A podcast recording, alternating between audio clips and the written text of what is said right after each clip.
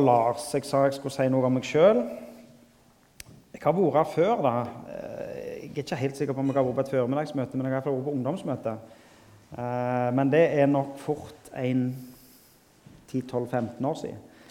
Eh, og så er jeg da fra Vea, på Karmøyene. Jeg er sånn bygdagutt som får lov å komme på besøk til byen. Det syns jeg er kjekt. Og så har jeg vært noen år i Tanzania. Det er grunnen til at jeg har liksom sånn 10-15 års uh, si, hull i historien min i Norge. uh, vi når vi reiste ut, så begynte vi i lag med noen som heter Marit og Leif, hvis dere har hørt om dem. Jeg var i lag med dem i ett år og lærte alt vi kunne fra dem. Og når vi var utlærte, så ble vi sendt videre til en plass etter Kia Bakari på bibelskole. Så kom hjem for to år siden, og jeg og kona og fire unger. Og så har vi fått lov å være Da hadde akkurat Vea bedehus etablert det som heter Vea bedehusforsamling. Og så fikk jeg da lov å eh, være med der, og er med der fremdeles. Og har liksom halve time på Vea bedehus. Og så har jeg halve time litt delt, litt i regionen og litt andre ting. Så jeg fikk iallfall lov å komme her til, sikkert på den regionsprosentstillingen. Eh, jeg skal jeg har fått høre og fått tema og fått um, litt informasjon i hva dere skal gå gjennom i, i høst. Spennende tema. Åpenbaringen 1 og iallfall 2 og 3. Sendebrevene til de sju menighetene. Og så, og så gjør dere det jo på en litt sånn hva si, eh, ikke, ikke sånn kronologisk. Vi begynner i vers 1 og går til vers et eller annet til slutt. Men tar noen sånne headlines ut ifra dem. Det var spennende. Spennende å jobbe med. Det er jo klart en gysla lange tekster da, hvis vi skulle lest hele teksten, men vi skal ikke det. Eh, for tema eller overskrift i dag heter 'Jeg vet om dine'. Jeg vet om dine. Og det skal vi se litt på.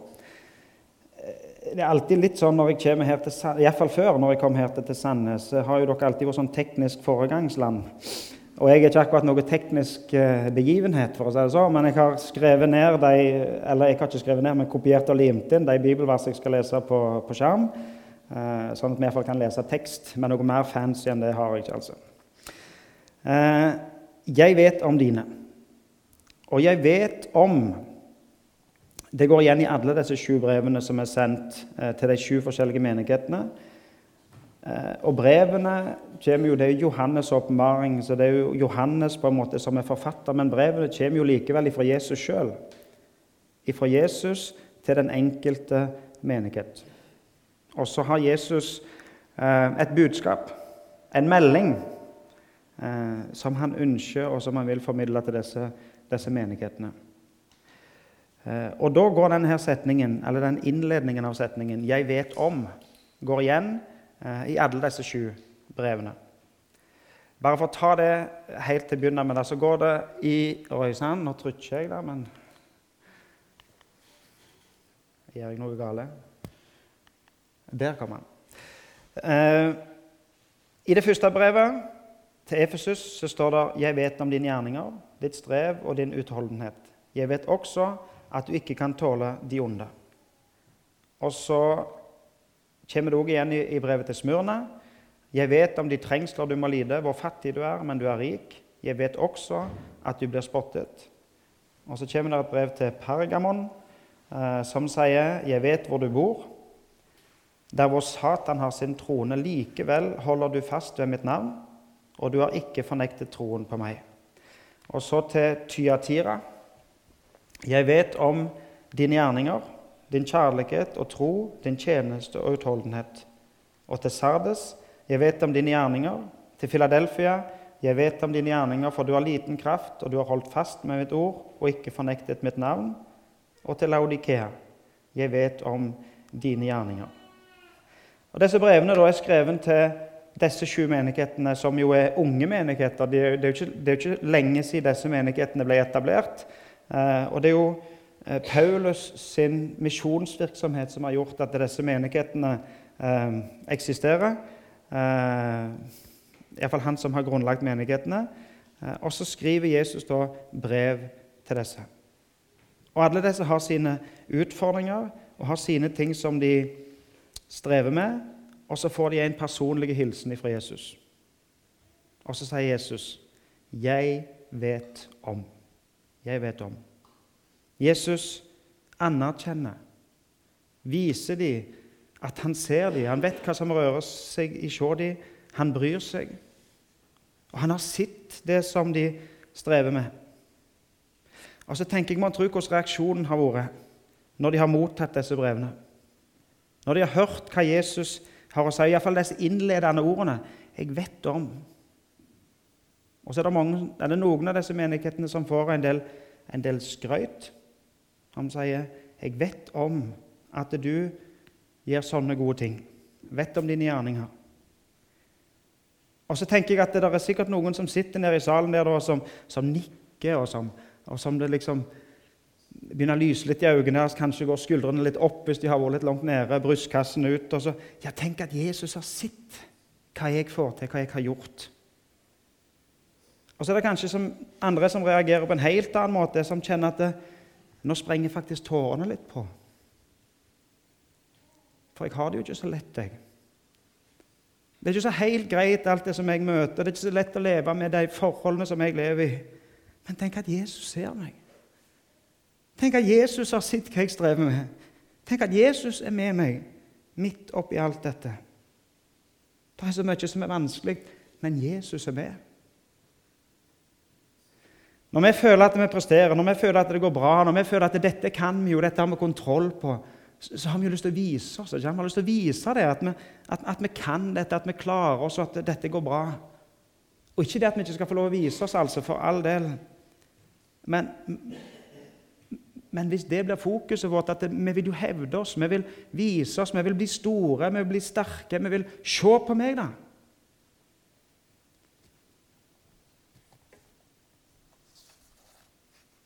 Så tenker jeg at vi kanskje må få hjelp til å forandre fokus. Når vi har det vanskelig, når det, litt, når det, når det stormer litt, når det er tøffe ting som står på, når, når kanskje du føler at det er jo ingen som ser meg. Da trenger du at noen ser deg. Da trenger du at noen gir deg trøst og gir deg omsorg og gir deg hjelp i det vanskelige. Og så kommer Jesus her til disse menighetene og så sier han, 'Jeg ser deg. Jeg vet om.' Jesus ser deg. Jesus vet om alt det som du møter, om alt det som du må gå gjennom. Og Jesus forlater deg ikke. Jesus, sier, Jesus sier ikke 'lykke til', her stopper jeg, men Jesus går med deg. Og med deg gjennom alt. I det ene brevet her så sier han 'Jeg vet om dine gjerninger'. Se, jeg har satt foran deg en åpnet dør som ingen kan stenge. For du har liten kraft, og du har holdt fast med mitt ord og ikke fornektet mitt navn. Vi snakker av og til om åpne dører og stengte dører. Vi snakker kanskje om, om veien som blir til, eh, veien gjennom livet som blir til mens vi går, og, og, om Gud som leder oss gjennom alt. Og noen har sagt at når Gud stenger en dør, så åpner han en vegg, og så, og så leder Gud. Og så, og så ser vi eh, hvordan Gud leder oss gjennom livet, og så erfarer vi hvordan Gud leder oss gjennom livet. Men det er ikke sikkert at du erfarer det sånn akkurat nå, så ser jeg hvordan Gud leder meg. Det kan hende det er lettest å se når du ser tilbake, og når du snur deg og ser at Oi, til og med midt i det vanskelige, når jeg egentlig bare så stengte dører Når det så ut som det er ingen plass og ingen vei Og kanskje til og med når du, når du strever med å se hvor, hvor Gud er når, er som, når du har det som vanskeligst Da er det kanskje ikke så lett, så lett å se at ja, Gud leder meg. Ofte er det lettere å se når du ser tilbake, når du ser på livet og ser på hva slags svinger og hva, lag, hva vei veien tok, og hva slags dører som åpna seg og stengte seg for den del. Så er det lettere å se at Gud var jo der og leda. For Gud ser deg. Gud vet hvordan du har det. Gud heller ikke imot deg at du har det vanskelig. Altså Han som har gitt oss sitt ord, han har gitt oss, har gitt oss til og med ord som beskriver de situasjonene. Hvis du leser salmene, f.eks., og leser hvordan David roper ut 'Hvor er du, Gud? Hvor er du?' 'Du har forlatt meg, Gud. Jeg trenger deg, men du er jo ikke her.' Men selv om David følte det, så til og med fikk lov å skrive det ned i Bibelen, og at vi får lov å lese det etterpå, så hadde jo ikke Gud forlatt ham. David opplevde det sånn. Men Gud var der. Og David vitner jo om det at ja, Gud var der. Han reiste han opp, satte hans føtter på fjell. Og Gud er med deg. Gud ser deg. Og disse da som det står om, som har liten kraft. Hva sier Jesus til de som har liten kraft i dette brevet? Jo, han sier, 'Se, jeg har satt foran deg en åpnet dør.' Jeg er her. Jeg er med deg. Selv om dørene ser stengte ut, selv om du har liten kraft, selv om du kanskje ikke finner veien Jeg har satt før deg en åpna dør som ingen kan stenge. De menighetene som roses i disse brevene, de roses for to ting hovedsakelig. Det er to ting som går igjen, og det er holdt fast på og ikke fornektet. Holdt fast på og ikke fornektet. Eh, holdt fast på mitt ord, holdt fast på mitt navn, står det. Altså, De har holdt fast på og holdt seg til Jesus og hans ord. Ikke fornektet mitt navn, står det. Ikke fornektet troen, står det ikke fornekta troen på Jesus. Altså, hold fast på, og ikke fornekte. Hold deg nær til Jesus. Held fast på han. Ikke fornekte han. Det er jo klart han vet at du holder deg nær til han. Altså, Hvis du holder deg nær til han, så er jo han nær deg. Det går ikke an at du kan være nær han, men han ikke er nær deg. Altså, det, det er umulig, det. Hvis du er nær han, så er han nær deg. Og så er det ikke, det er ikke sånn at vi må, vi må, bruke alle krefter vi har, eller all innsikt vi har, eller all visdom vi har, eller kløkt eller sånn, for å klare å holde oss nær Jesus. Nei, å holde oss nær Jesus er jo egentlig bare sånn La han få lov å være nær. La han få lov å komme til deg og se deg og være der og ha omsorg for deg. Gi han plass i livet. Gi han førsteplassen i livet.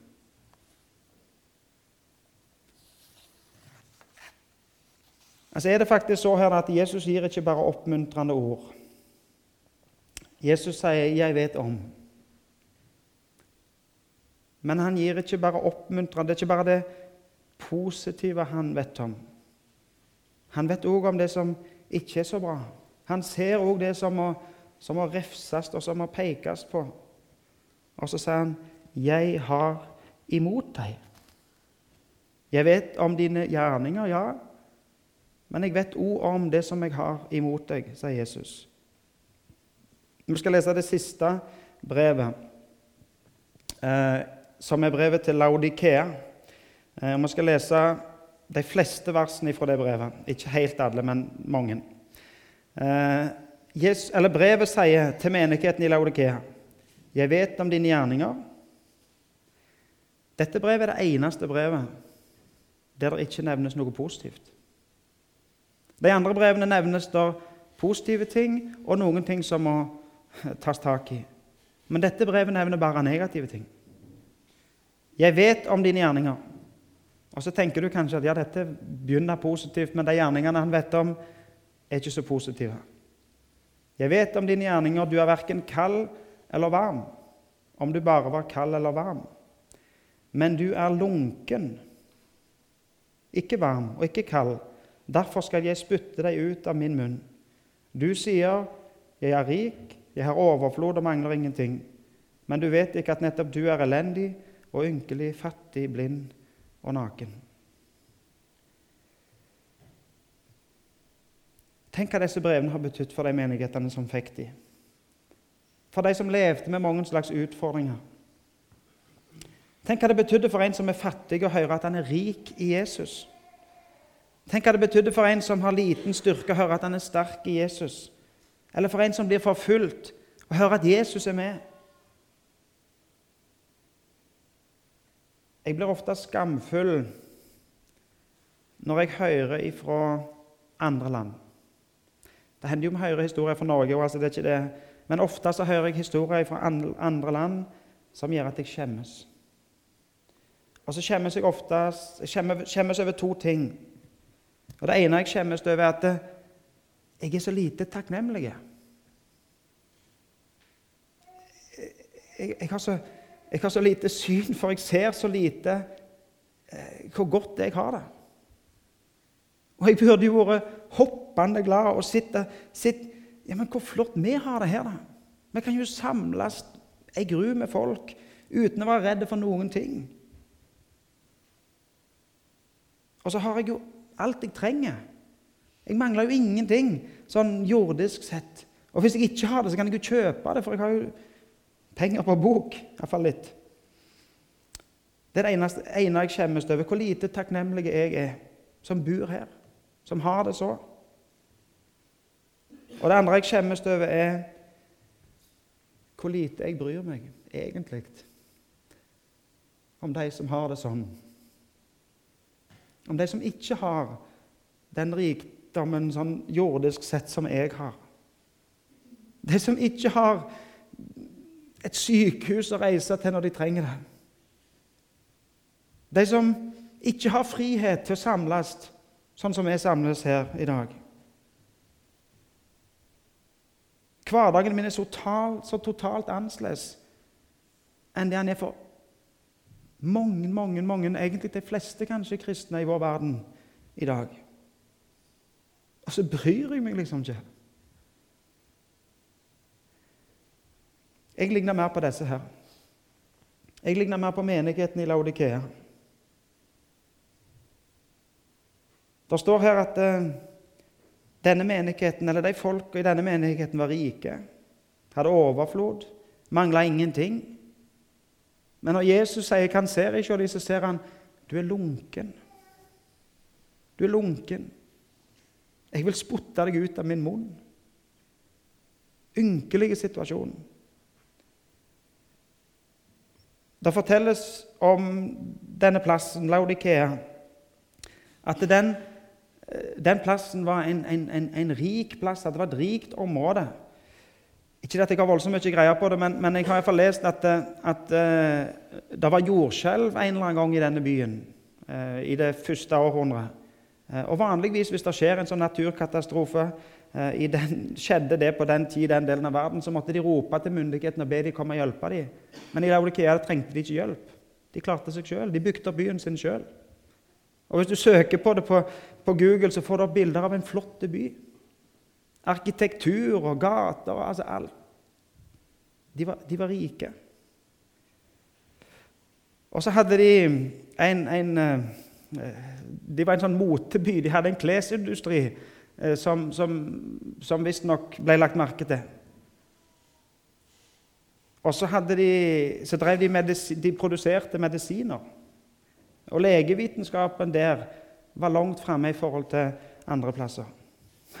De var rike, de gikk i fine klær, og de hadde medisiner. Det ligna litt på oss, det. Ligna litt på sånn som vi har det her i vårt Norge. Du, Vi bor i et farlig samfunn, egentlig. For vi er så rike. Vi har overflod. Mangler ingenting. Ser du hva Jesus sier til dem? Du sier 'jeg er rik, jeg har overflod og mangler ingenting'. Det er jo oss, det. Men du vet ikke at nettopp du er Og så kommer det en beskrivelse av de som ikke er positive i det hele tatt. Det er skummelt, og det er farlig å leve i vårt norske overflodssamfunn. Og så tror vi at vi er rike. Og materielt sett, på bankkontoen, er vi jo rike. Men du kan være rik, på to måter. Du kan være rik på jord, og du kan være rik i Gud. I Laudikea var de rike på jord. men de var fattige i Gud. De trodde at de var rike, men de var fattige. De hadde feil rikdom. De samla på feil skatter. Og så var de egentlig fattige, selv om de sjøl syntes at de var rike. For å ha overflod betyr ikke nødvendigvis at du klarer deg sjøl. Disse tror de har overflod, men de er elendige og ynkelige. Og om du sier til deg sjøl at du mangler ingenting, så er det en fare for at du er blind og naken åndelig sett. Og Materielt sett så er det jo så med oss, alle oss her i Norge, at vi er rike, vi har overflod, vi har mangler ingenting.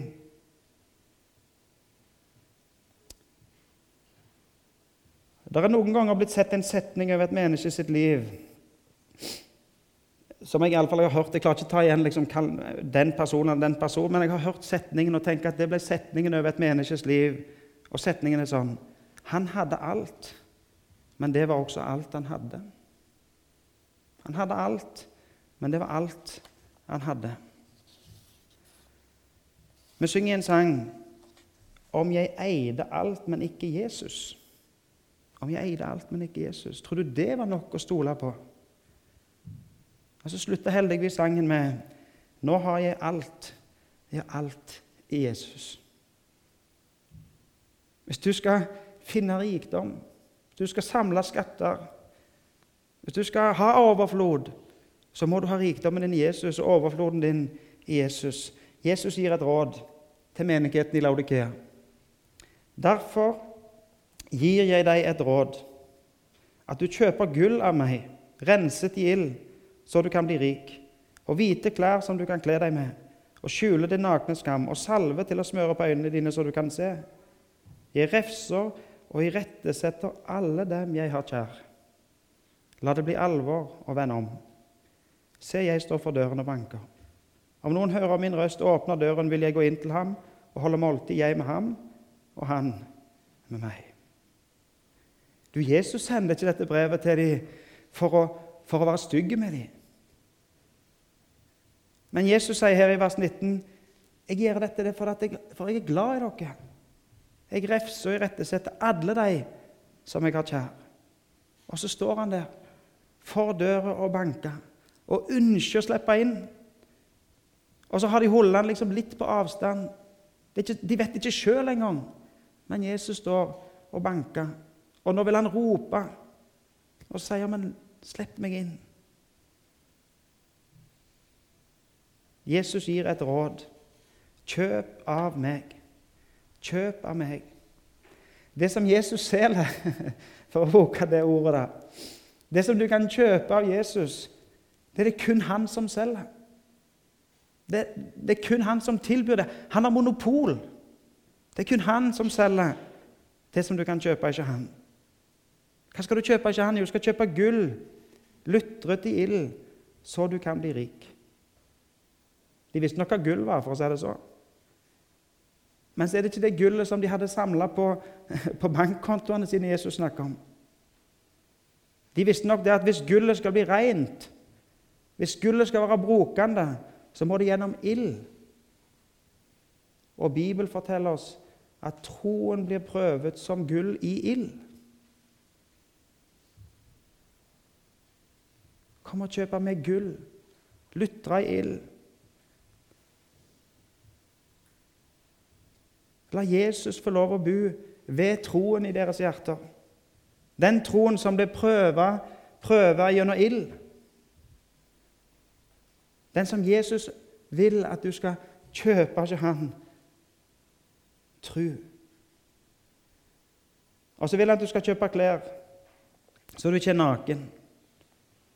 Og når Jesus selger klær, så er det ikke hva som helst klær. De klærne som Jesus selger, det er hvite klær. Rene klær. En drakt som dekker deg helt og fullt, og som er helt rene, helt hvite. Det er Jesus sine klær. Jesus sin drakt som verken har flekk eller rynke eller noen skader. Og så sier han, 'Kom og kjøp klær hos meg.' Og salve så du kan se, sånn at du kan få se Jesus. Kanskje det mest kjente verset i Bibelen, Johannes 3, 16. Rett før der, vers 14 og 15, så står det like som Moses opphøyet slangen i ørkenen, slik skal menneskesønnen Jesus bli opphøyet, for at hver den som tror på ham, ikke skal gå fortapt, men ha evig liv. De som levde med Moses der i øyemarka, og, når, når, Moses hang slangen opp i ørkenen, de måtte se opp på slangen. Og så sier Jesus du må få salve, du må få øyne som kan se. Og På samme måte skal Jesus bli opphøyet, hengt på et kors, sånn at vi kan få se ham og tro på ham. Det er jo klart at Disse visste hva gull var. Disse visste hva klær var. Disse visste hva medisiner var. Og så sier Jesus de rette, sanne, viktige medisinene og klærne og rikdommen, den får du ikke meg. Og de visste hva sånne ting kosta. De visste hva de måtte betale. Og så sier Jesus, 'Kom til meg og kjøp'. Og ikke Jesus, så slipper du å betale. Det er dyrt, egentlig, det som selges ikke Jesus. Det er faktisk så dyrt at det koster han alt. Men han betalte. Og så får du lov å kjøpe det av Jesus. Og så skriver han ut sjekken som, som betaler kjøpesummen. Jesus ble fattig for at du skulle bli rik. Jesus ble naken hengt opp på et kors for at du skulle få hvite, rene klær. Jesus ble forlatt av Gud for at du skulle få se Han og aldri bli forlatt av Gud. Vi sang den sangen 'This is amazing grace'. This is unfailing love. That you would take my place. That you would bear my cross. Amazing grace. Unfailing love. Ifra Han som, som ser deg, som kjenner deg, som vet hvordan du har det, som er med deg gjennom alt.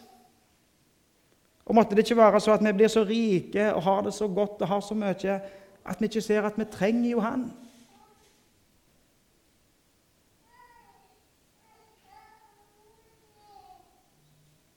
Om du kjenner deg aldri så rik her på jord, materielt sett, om du tenker om deg selv at du klarer alt, du presterer, du har overflod, du, du mangler ingenting Uansett så vil du komme til å møte ting som du ikke klarer å mestre på egen hånd. Det vil uansett dukke opp noen ting i livet ditt som du ikke har kontroll på. Som du ikke klarer i din egen kraft eller din egen rikdom. Om du ikke føler på det nå, om du klarer å gå smertefritt gjennom livet, så vil det uansett komme noe, i alle fall én dag, som du ikke klarer å vinne over sjøl. Og måtte vi se det, at vi trenger Jesus i livet. Og måtte vi se det at når vi har Jesus, så har vi en rikdom som overgår all den der rikdommen som fins i dette samfunnet. At når vi har Jesus, så har vi overflod, glede, fred og et håp om et evig liv i lag med Han. Om et samfunn, et fellesskap med Han, som overgår alt det vi klarer å forstå og forklare. Jesus ser deg. Jeg vet om dine. La han få lov. Slipp han til. Lev livet ditt i lag med han. Skal vi be. Kjære Jesus.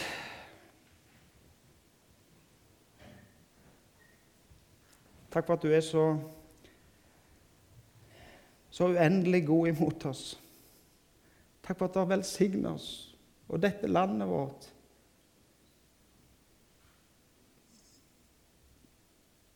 Men må det ikke bli sånn at våre